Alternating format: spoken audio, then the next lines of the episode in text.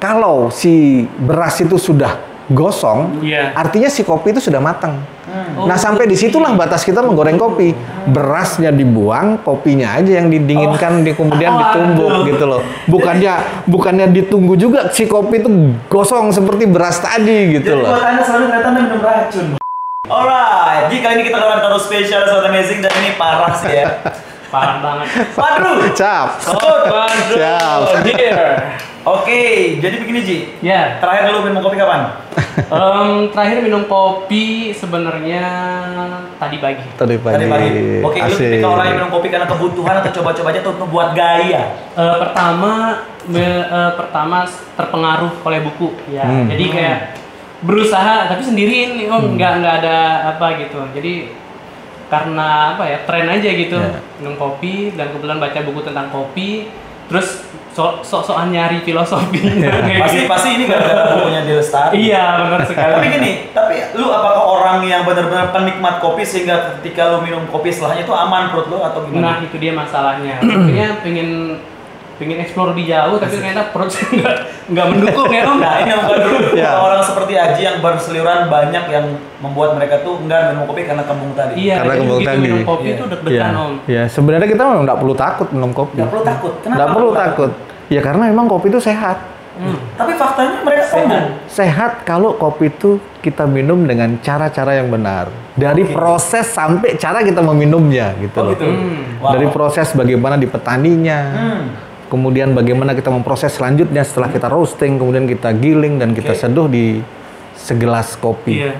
Nah itu yang membuat Ada kita proses Ya. yang harus diikutin gitu. Ya, harus ada SOP-nya gitu loh. Iya, Sam- SOP-nya. agar supaya apa? Kopi yang kita minum tuh memberikan manfaat untuk badan kita. Oke. Kita minum kopi bukan untuk membuat badan kita jadi tidak enak, bukan jadi Oh. buat jadi badan kita sakit gitu Berarti loh. kopi-kopi saset itu uh, ini dong. Kopi saset itu pengalaman pribadi saya sendiri Ah, dulu iya. kalau saya sakit mah. Oke. Saya termasuk orang yang sakit mah akut.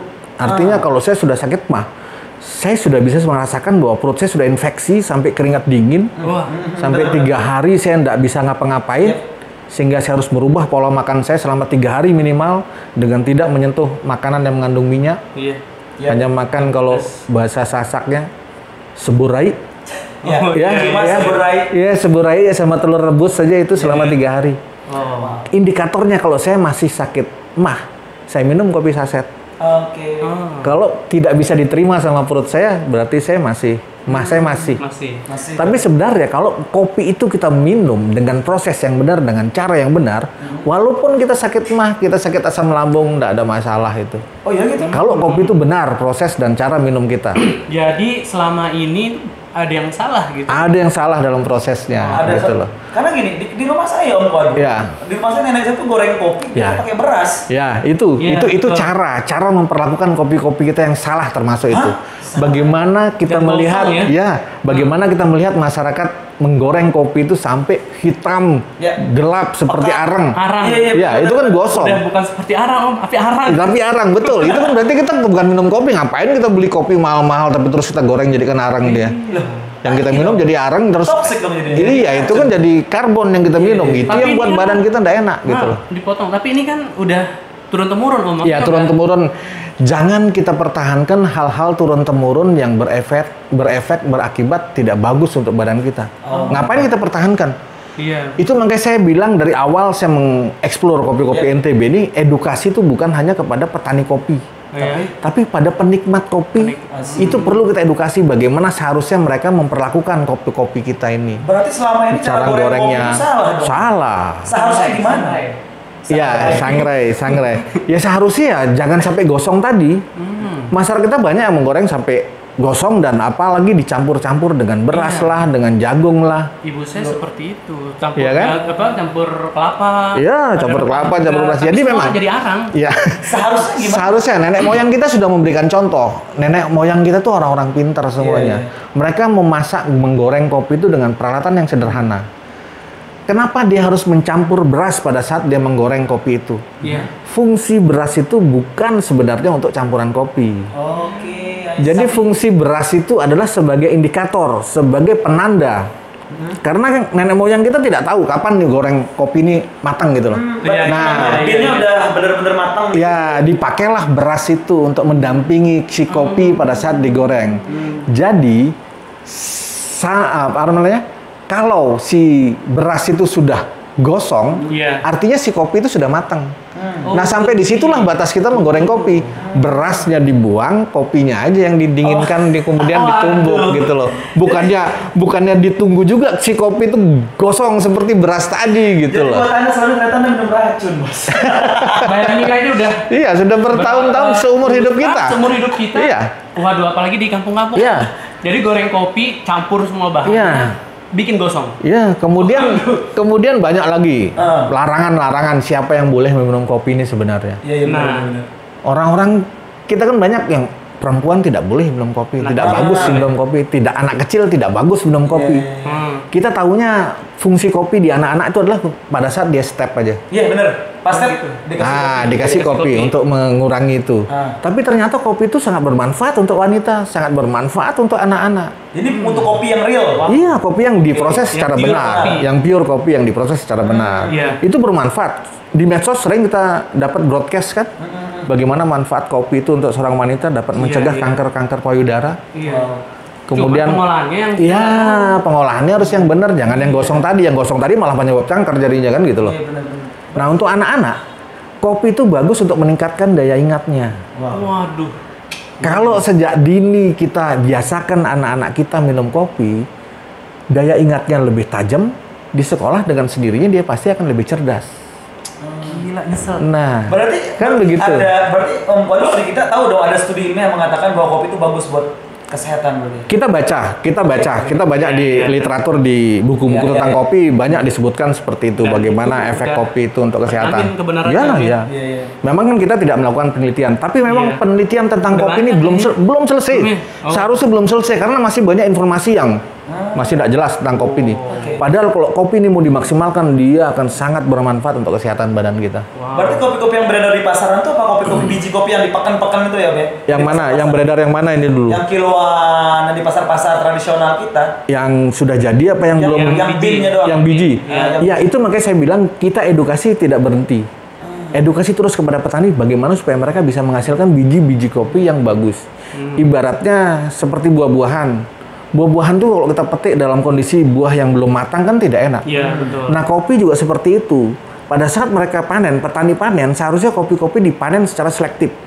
Selektif artinya uh, buah-buah merah, buah-buah matangnya lah yang harus dipanen, bukan buah-buah yang masih Hijau. setengah matang. Iya. Ada- apalagi hijau itu Iya, masih iya. mentah. Kalau buah-buahan yang matang kan harum, manis. Hmm, iya, Kalau iya. buah-buahan yang masih mentah, dia kecut, Kecut, sepet, segala iya, macam iya. tidak enak. Nah kalau kita campur buah yang matang, kita jus dengan buah yang mentah, kan rusak yang matang ini. Iya. Iya, benar. Nah di kopi juga seperti itu. Kalau kita panennya yang matang-matang saja, kopi itu enak, wangi, manis, manis unsur manis juga ada.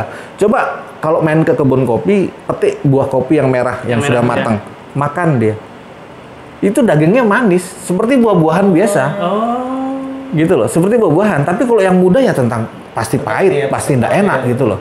Nah di situlah kita edukasi supaya pa- bagaimana petani bisa menghasilkan biji-biji kopi terbaik. Kenapa kopi luwak itu dia enak? Iya. Ya karena luwak tidak senang makan kopi-kopi yang mentah. Ah, Dia kan makan kopi-kopi yang matang. menyeleksi. Makanya bagaimana setelah diproses luwak itu jadi kopinya lebih enak daripada kopi yang biasa. Tapi saya tidak menganjurkan. Eh, saya sih orang yang tidak begitu setuju dengan kopi luwak. Oh, gitu. Karena kita pun bisa memproses lebih enak daripada luwak itu. Iya, iya, iya. Kalau saya sih tidak yakin karena kebersihannya aja karena Iya, higienisnya, dari kan iya, higienis. iya, betul. Jadi kan karena kopi luwak dari kotoran hewan. Iya.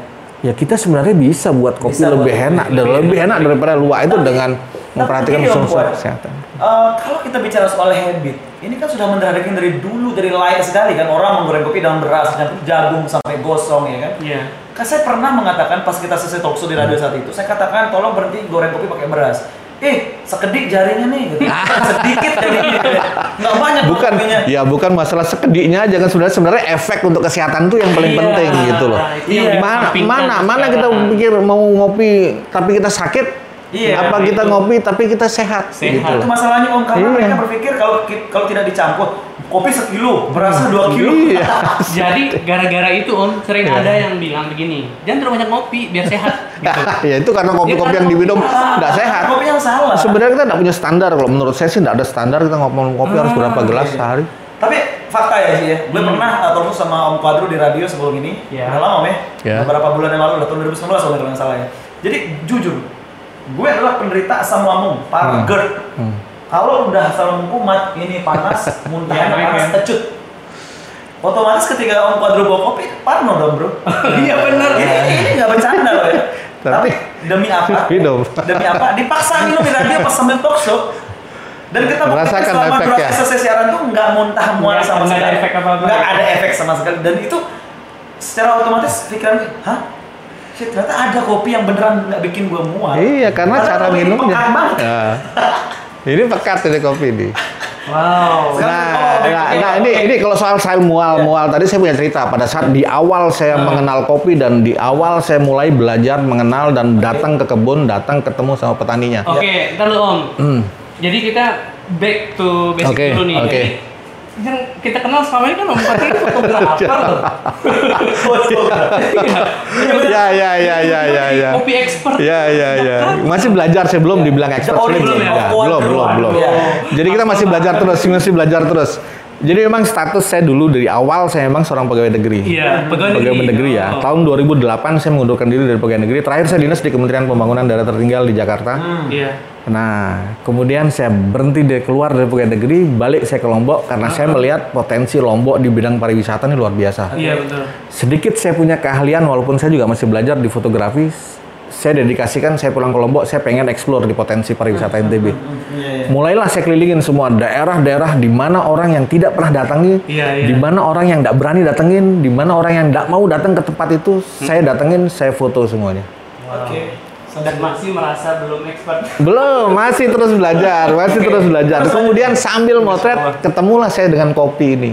Hmm, Pertama saya mengenal kopi adalah diberikan oleh seorang teman. Hmm. Nah, sejak saya merasakan mencicipi kopi itu, saya kaget. Wah, rasa kopi ternyata seperti ini ya. Di luar ekspektasi rasa kopi yang selama ini kita minum. Iya, Betul, iya. betul. Saya minum kopi dari luar yang dikasih sama temen tuh. Dari luar, cobain lagi, cobain lagi kopi dari daerah lain. Ternyata kopi ini beda-beda rasanya. Hmm. Dari dari daerah tuh berbeda-beda. Nah, kemudian saya berpikir, ada nggak kopi-kopi ini di daerah kita? Iya. Di NTB, di NTB lah saya bilang di NTB, ya, khususnya di Lombok di yang paling dekat dengan domisili kita. Saya coba datengin satu-satu. Akhirnya saya datengin di Sajang tadi. Iya, di iya. Sajang itu Sembalun di kaki Gunung Rinjani. Iya. Di situ saya datengin, saya ketemu sama petani kopi. Saya sudah mulai belajar, mulai melihat literatur tentang kopi. Iya. Di situ kita bertukar pikiran sama petani. Di Bruga saya ngobrol sama mereka. Pertama kali saya disuguhkan oleh mereka adalah kopi yang pakai gula. Pakai gula. Ya, ya kita minum, kita minum. Tapi hitam. ya kopi hitam. Tapi salah satu petani tidak minum kopi itu. Saya tanya sama dia, kenapa tidak minum kopi? Tidak bisa minum kopi loh. Kenapa kan petani kopi kok tidak bisa minum kopi Iya. gitu loh? Enggak, soalnya kalau saya minum kopi tidak enak rasa perut, mual, Nah. begah, kembung segala macam tidak enak rasanya kok. Anu perutnya setelah minum kopi. Hmm. Minumnya pakai apa? Pakai gula. Oke, sekarang kalau masih ada kopi di dapur, bawa kemari, kita coba dengan minum kopi tanpa gula, saya bilang tuh. Nanti saya yang seduhkan. Saya seduhlah kopi itu. Diminumlah oleh mereka semua. Kemudian oleh petani yang sudah tujuh tahun itu tidak minum kopi, ya. pada saat itu dua gelas dia minum kopi tanpa Oh. gula dan perutnya tidak sakit. Aman. Jadi di mana salahnya? Bukan di kopi itu di salahnya. kopi, iya. Ternyata di gula pasir itu salahnya Iya, gitu loh. iya, betul, Jadi betul, kalau betul. kita minum kopi-kopi ini dengan cara yang benar, justru dia menjadi Makanya kadang-kadang kalau kita minum kopi di bagus. rumah-rumah warga ya itu kayak ada rasa nyeri deh, anyir gitu, karena kalau kita cepat begah. Gitu. Ada dua, ada dua manfaat kita minum kopi tanpa gula. Saya ceritakan di petani itu. Pertama untuk kesehatan tadi, yang kedua adalah kita akan tahu kualitas kopi kita ini sudah diproses secara benar atau tidak. Tidak. Oh. Kalau kita minumnya pakai gula, kita nggak tahu. Ini rasa manis saja yang kita rasakan. Iya. Tapi kalau kita minum tanpa gula, kita bisa merasakan apakah salahnya dia di proses panen Iya, iya. atau salahnya dia pada saat proses roasting, pada saat menggoreng kopi itu gitu loh. Iya, iya. Karena gini om, karena orang-orang tradisional kan nggak punya alat roasting tradisional digital kan, Iya. yang, yang pakai mesin sekarang, Iya. mereka masih tradisional banget kan. Di sana juga pakai manual, tapi kalau kita menguasai cara menggoreng kopi itu, semuanya akan berlangsung dengan benar. Mas proses masaknya juga betul, tingkat kematangannya juga betul. Kalau kita sudah terbiasa menggunakan itu. Di Sajang itu saya bilang dia eh, seorang roaster kopi tradisional yang paling top saya bilang gitu. Jadi matangnya kalah-kalahan kita pakai mesin roasting itu tingkat kematangannya gitu. Berarti itu udah expert Jadi banget. yo expert banget dia kalau dia goreng kopi padahal dia goreng kopi pakai wajan Iya, iya, iya. tanah, Tanah liat. pakai kayu bakar, Iya. Tapi tingkat kematangannya asik gitu loh. Pas sekali saya rasakan. Udah tahu Enak. Ya. durasi Ya, dia sudah menguasai panasnya berapa dia harus pakai kayu bakar, bagaimana Oke. dia durasi menggorengnya nggak sudah perlu tahu. pakai beras tadi. Nggak perlu pakai beras lagi dia. nggak perlu. Iya, Betul. betul. Tapi bicara soal kopi om, tadi om sempat bilang eh, orang yang sempat tujuh tahun nggak ngopi si petani ini bisa bisanya dia tidak mual. Hmm. Berarti ada efek apakah yang diberikan ketika minum kopi itu? Apakah ada detox yang dihasilkan atau seperti apa? Nah, itu bukan detox, itu karena penggunaan gula pasir tadi. Ah, I see. Penggunaan gula pasir tadi Iya. itu yang menaikkan asam lambung di Ah, perut iya, kita, betul. itu yang membuat perut kita jadi tidak enak gitu loh. Oke. Tapi pada saat dia minum kopi tanpa gula pasir itu, Hmm. nyaman-nyaman aja dia punya perut. Nggak ada problem. ya? Nggak ada Dan problem, itu nggak ada kita masalah. Tahu kualitas kopi. Iya, di samping itu kita tahu kualitas kopi itu sudah benar diproses atau tidak. Dari awal dari panen segala macam itu benar-benar punya proses tersendiri. Oh ya? iya, harus diperhatikan panen. roasting, Iya, segala macam iya. itu. Oh. Berarti cerita soal kopi Oi panjang cerita soal kopi panjang banget. Bicara soal rasa kopi aja setelah kita Iya. berkeliling banyak-banyak ber- berkeliling ke mana-mana. Ah, Kopi itu satu pohon Iya.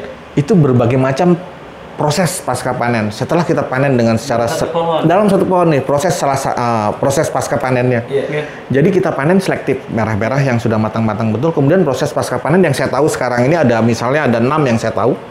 Ada itu proses namanya proses natural, natural fermentasi, kemudian semi wash, full wash, kemudian honey proses dan winey proses. Wow. Dari enam ini saja bisa menimbulkan cita rasa kopi yang berbeda-beda, walaupun dia dari satu pohon kopi. Hmm.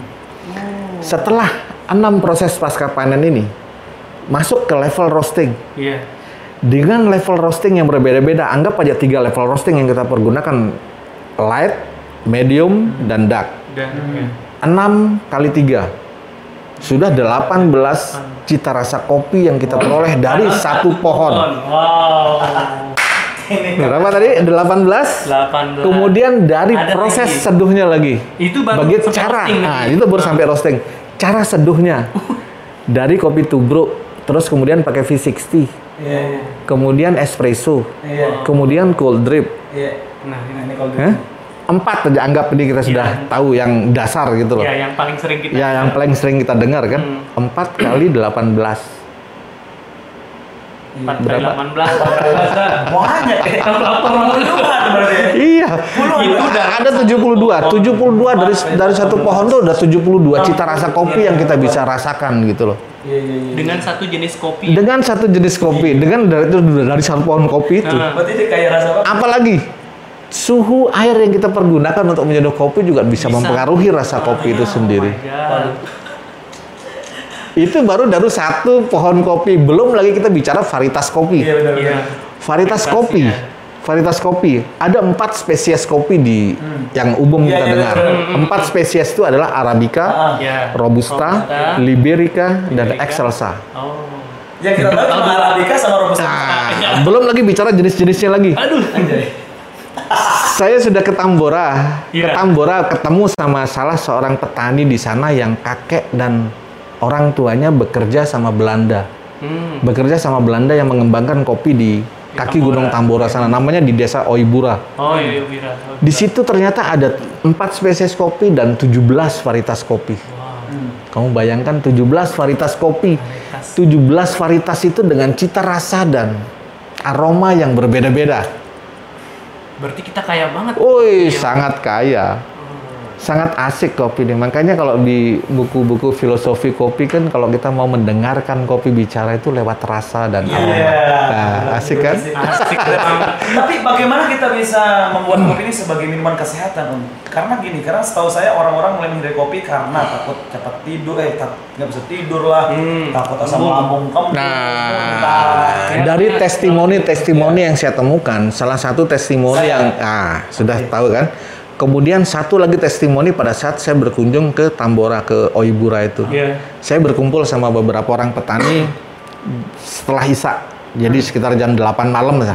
Kita ngobrol di rumah kepala eh, sekretaris desa. Saya seduhkan kopi. Hmm. Saya seduhkan satu petani angkat tangan. Pak, saya enggak ngopi. Loh, kenapa enggak ngopi? Saya bilang gitu. Oh iya iya iya. Sudah malam Pak, takut saya tidak bisa tidur. Enggak, minum semuanya saya bilang gitu. Saya, dong? saya paksa. saya paksa dia minum. Oh, nggak saya, saya paksa dia minum.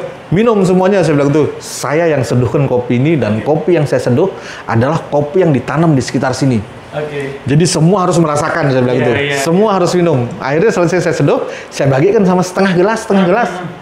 Saya bagikan setengah gelas, setengah gelas, diminumlah oleh mereka semua. Habis dia minum semua, angkat tangan lagi si petani yang tadi itu. Yang- yang Pak, ya, yang ya. tadi takut dan saya tidur. Iya. Pak, kenapa lagi saya bilang gitu? Kok ngantuk saya Pak katanya. Ekspektasinya takut tidak bisa tidur pada saat itu terbalik. Ah. Malah dia merasakan ngantuk di situ gitu loh. Emang ada efek relax. Ya efek orang mungkin memang dia tidak terbiasa dengan minum kopi yang diproses secara benar itu. Iya. Kebetulan memang kopi yang saya bawa itu kopi dari Oibura yang saya proses di Mataram. Hmm. Saya proses di sini kemudian saya bawa ke sana, kita minum bareng di sana. Jadi seperti Berarti Jadi kalau ya? ya kalau kita minum kopi sekarang artinya belum terbiasa dengan minum kopi-kopi ini ada proses detox di badan kita. Oke, detoksifikasi. Nah, detoksifikasi di badan kita artinya kalau ada jaringan-jaringan tubuh yang tidak benar di situ lagi dibenerin sama kopi ini gitu loh. Wow. Nah, efek di setiap orang berbeda-beda. Hmm. Misalnya ada sekarang efeknya, efeknya yang proses detox dia orang langsung keringat dingin, Iya. Iya, ya, iya betul, Pak. Oh. ya kan? Tapi jangan takut dengan itu. Minum aja lagi besok minum lagi. Ada efeknya tidak bisa tidur pada saat itu. Hmm. Walaupun dia tidak bisa tidur, mau artinya telat tidur dia Hmm. melek terus. Tapi dia sempat tidur sejam dua jam ya. Tapi bangunnya seger Segar, badannya. betul. Seger badannya Iya, tidak iya, seperti iya. orang yang begadang tidak jelas tapi terus lemes gitu. ya. Nah dia malah seger gitu loh. Kemudian ada yang langsung pules tidurnya, Hmm. tapi besok dia dua malam nggak bisa tidur. Nah kan unik-unik kan efek Iya, di iya. setiap orang itu gitu loh. Detoxnya beda-beda. Iya. Proses Kemudian ya. kemudian ada lagi cerita di kedai satu orang istrinya temen tidak biasa minum kopi karena setiap dia minum kopi selalu dia ndak enak rasa badannya seperti mau pingsan. Iya. Hmm. Ayo, gini caranya minum kopi saya bilang gitu. Coba minum kopi kita. Takut nggak dia? Pertama takut. Eh, Pertama takut. Pertama takut. Saya paksa juga lagi. Eh, Kalau gitu nggak bisa. Artinya saya paksa minum, minum. Sampai di rumah besok datang lagi dia. Oh, om nggak bisa tidur saya. Tapi itu yang saya bilang tadi. Dia nggak bisa tidur tapi dia fresh, bangun tidurnya fresh. Iya, iya. Wah ini cocok nih untuk kita kalau ada orderan besar katanya. Jadi begadang minum kopi tapi tetap bangun fresh gitu loh. Ah. Wah ini cocok om katanya. Kalau gitu saya minum lagi. Tapi terus saya bilang saya paksain, ah, minum lagi terus, minum terus. Nanti saya buatin yang levelnya lebih light, lebih soft saya bilang Iya, gitu. iya. Biar tidak terlalu berefek yang lebih ini Benar, kan. benar, benar. Saya buat yang ah jangan jangan ekstrim. Jadi saya buatin yang lebih soft. Berarti berarti ngaruh nggak untuk tak kan gini? Kalau kita bicara soal rokok, rokok itu kan sendiri punya tar dan nikotin Hmm. yang berbeda-beda ya. Iya nggak? ada ada rokok yang benar-benar bikin kita candu banget karena mungkin Hmm. kandungan tar nikotin lebih tinggi. Kopi begitu nggak? Ada kandungan misalnya jenis eh, robusta, kandungan kafenya sekian sehingga kita Ya, bisa- kalau kandungan kafein ya. Kalau kandungan kafein yang paling tinggi itu ya adanya di robusta. robusta. Hmm. Kalau Arabica dia setengahnya dari robu- ah, robusta itu kandungan kafeinnya. Makanya kalau kita di orang-orang muda sih cocok kalau untuk di aktivitas pagi hari Iya. minum yang robusta. Oh, oke paham. Itu Ya. dia kenapa orang Amerika minum Ya, hari. iya, itu Iya, untuk iya, dia aktivitas dia untuk mencukupi kebutuhan kafeinnya di Ah. selama satu hari itu. biar seger gitu. Ya, Oke, stamina mereka ah stamina memang lebih kuat. Iya, iya. Nah, budaya ngopi di barat sana kan memang Iya. sekedar untuk memenuhi kebutuhan kafein untuk badannya. Ah.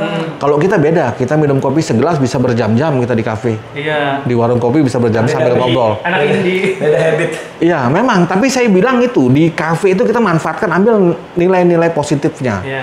bukan nilai-nilai negatifnya yang kita ambil. Oke. Bagaimana di kafe itu saya bilang sama teman-teman, kafe ini manfaatkan cari nilai-nilai positif. Kafe ini punya fungsi sebagai connecting people. Nah, betul. Nilai positifnya seperti itu. Di sana akan kita ketemu sama orang dari berbagai macam profesi dan berbagai macam potensi. Tinggal kita menjalin itu potensi-potensi profesi-profesi itu menjadi satu jalinan hubungan kerja yang lebih maju ke depannya. Iya. gitu. Kan nah orang Amerika kan Iya. dia nggak punya budaya kopi nongkrong, nggak punya Nggak nongkrong ada, warung ya. kopi nggak ada. Cukup ya, take cukup segelas kecil espresso, iya, minum cerut udah. sudah pergi dia bayar Iya, selesai. Karena cuma untuk asupan kafein di badannya. Hmm. Cukup sudah untuk bekerja seharian. Tapi nanti kalau dia sore hari atau malam hari pengen ngopi lagi, minumlah yang arabica. Karena sifat kopi itu membuat kita relaksasi. Relax Ya, ya. buat relax. Jadi sore sama malam hari minum arabica saja, santai. Jadi secara umum kopi itu sehat ya. Oh, sehat. Kalau proses benar Iya, tadi. karena saya lihat tadi ada proses detox. Ya. Orang yang pertama kali ngopi bisa ngantuk, bisa Iya. lemas segala macam itu proses, menuju, ya menuju eh, sehat. ya menuju stabil badan kita Stabil, gitu ya. loh Berarti ini harus kita edukasi lebih dong. oh iya edukasi makanya saya bilang dari tadi kan bukan hanya untuk petani tapi pada penikmat kopi juga. Kita Oh. harus edukasi dan kita dorong orang jangan jadi peminum kopi Tapi jadilah penikmat kopi Ah. gitulah tapi by the way kita punya kopi di nah ini beda lagi Ya. kopi kita sudah proses kita sudah edukasi Ya. petani dengan agar mereka menghasilkan biji kopi yang bagus Nah kita di kedai-kedai kopi punya tugas bagaimana supaya mer- bisa meracik kopi ini biar lebih nyaman dinikmati oleh lidah-lidah si Iya. pengunjung. Bagaimana supaya pengunjung itu bisa menikmati kopi-kopi yang sehat. Jangan asal kita racik, kita campur kopi ini dengan bahan-bahan lain.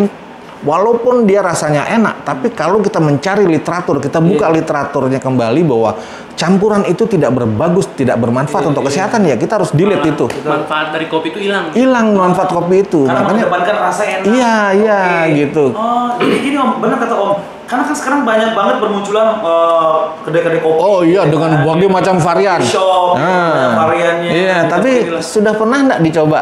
Sudah pernah enggak dia buka buku? Mhm. Saya pernah meracik kopi dengan mencampurkan sesuatu cairan yang lain. Iya. Rasanya itu asik banget, top rasanya. Wuh, enak banget. Tapi setelah saya cari Google, Iya. buka-buka ternyata campuran itu tidak bagus untuk kesehatan. Ya Wow. saya delete. Nggak akan saya jual itu. Berarti bukan berarti kita di sini tidak mengedepankan rasa enak, Bukan. tapi untuk kesehatan. Untuk kesehatan. Gila. Tapi yang kedua tetap rasa enak tuh harus kita cari. Oke. Karena kalau semuanya main ke warung kopi wangi-wangi, Iya. di situ ada beberapa varian kopi yang kita buat yang memang spesial kita racik sendiri. Hmm. Tidak akan menemukan di warung kopi lainnya. Oke. Kayaknya kita harus liput. Ya.